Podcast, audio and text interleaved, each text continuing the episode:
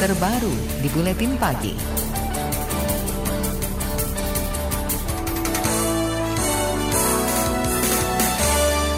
Saudara, kebakaran hutan dan lahan di Sumatera dan Kalimantan semakin meluas. Badan Nasional Penanggulangan Bencana atau BNPB mencatat di dua pulau itu ada hampir seribu titik panas. Jumlah warga yang menderita infeksi saluran pernapasan atau ISPA meningkat drastis. Di Riau, penderita infeksi saluran pernafasan mencapai hampir 40 ribu orang. Kualitas udara di sebagian besar Riau pun berstatus berbahaya. Warga yang terpapar dampak karhutla di Kalimantan Tengah mengaku polusi kabut asap hampir tidak pernah berkurang. Salah seorang warga kota Waringin Timur, Budianto, mengeluh sulit beraktivitas karena asap justru tambah tebal, terutama di sore hari. Di daerah Sebabi, Kabupaten Kota Waringin Timur.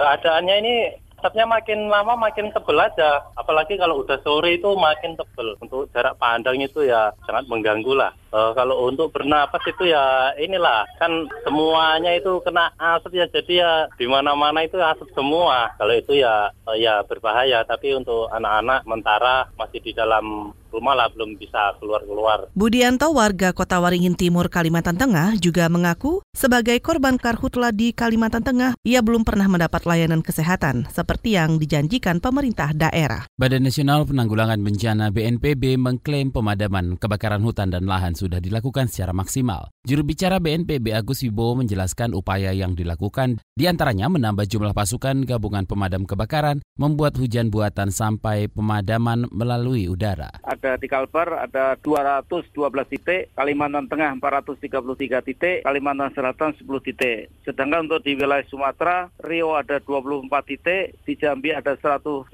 titik, dan di Sumatera Selatan ada 140 titik. Itu dari sisi hotspot.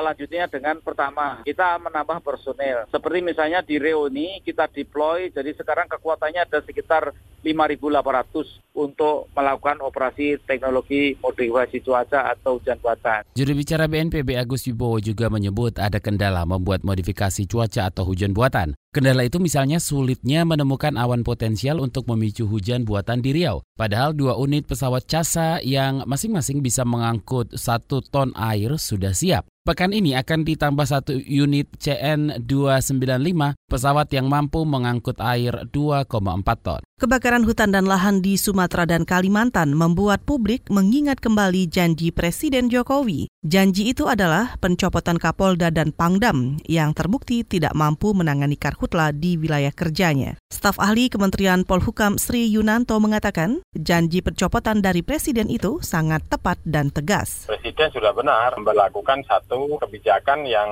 lebih tegas, ya, terutama terkait dengan pejabat-pejabat yang bertanggung jawab, yang mempunyai tanggung jawab di dalam penanganan karhutla lain. Kita Kemenko Polhukam kan menjalankan instruksi Presiden, nah, nanti kita akan berkoordinasi lagi. Kalau terkait dengan Polri ya dengan Kapolri, kalau terkait dengan TNI ya ke Panglima TNI apa yang disampaikan oleh Presiden itu. Jadi kita menjabarkan instruksi Presiden itu kepada instansi-instansi terkait. Itu tadi staf ahli Kementerian Polhukam Sri Yunanto. Sebelumnya, Panglima TNI Hadi Cahyanto juga sudah berkomitmen untuk mencopot anak buahnya yang dinilai gagal dalam menanggulangi karhutla. LSM Wahana Lingkungan Hidup Walhi menilai pemerintah kurang sigap bertindak menghadapi kebakaran hutan dan lahan, apalagi karhutla di Sumatera dan Kalimantan. Seperti mengulang kejadian yang sama sama di tahun-tahun sebelumnya. Direktur Walhi Riau, Riko Kurniawan mendesak pemerintah fokus menyiapkan sumber air, percuma menambah pasukan pemadam karhutla kalau ketersediaan air masih bermasalah. Respon cepat untuk pemadaman api memang menarik ada penambahan pasukan. Cuman kan masalah kita itu kan di lapangan nggak ada air itu satu uh, kendala yang harus dihadapi. Memang hujan buatan harus terus diintensifkan karena di beberapa tempat kan juga hujan dan juga yang penting itu ya, bukan hanya Riau, Jambi, dan Sumatera Selatan bagaimana kan bagian besar kan juga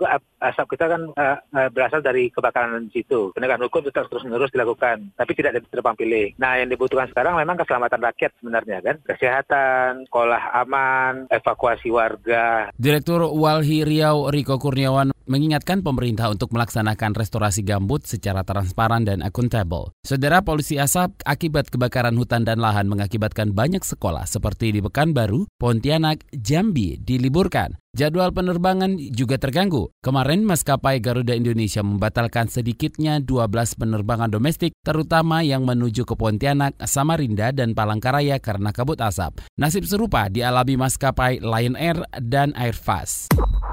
Anda tengah mendengarkan KBR, radio berjaringan yang berpredikat terverifikasi oleh Dewan Pers.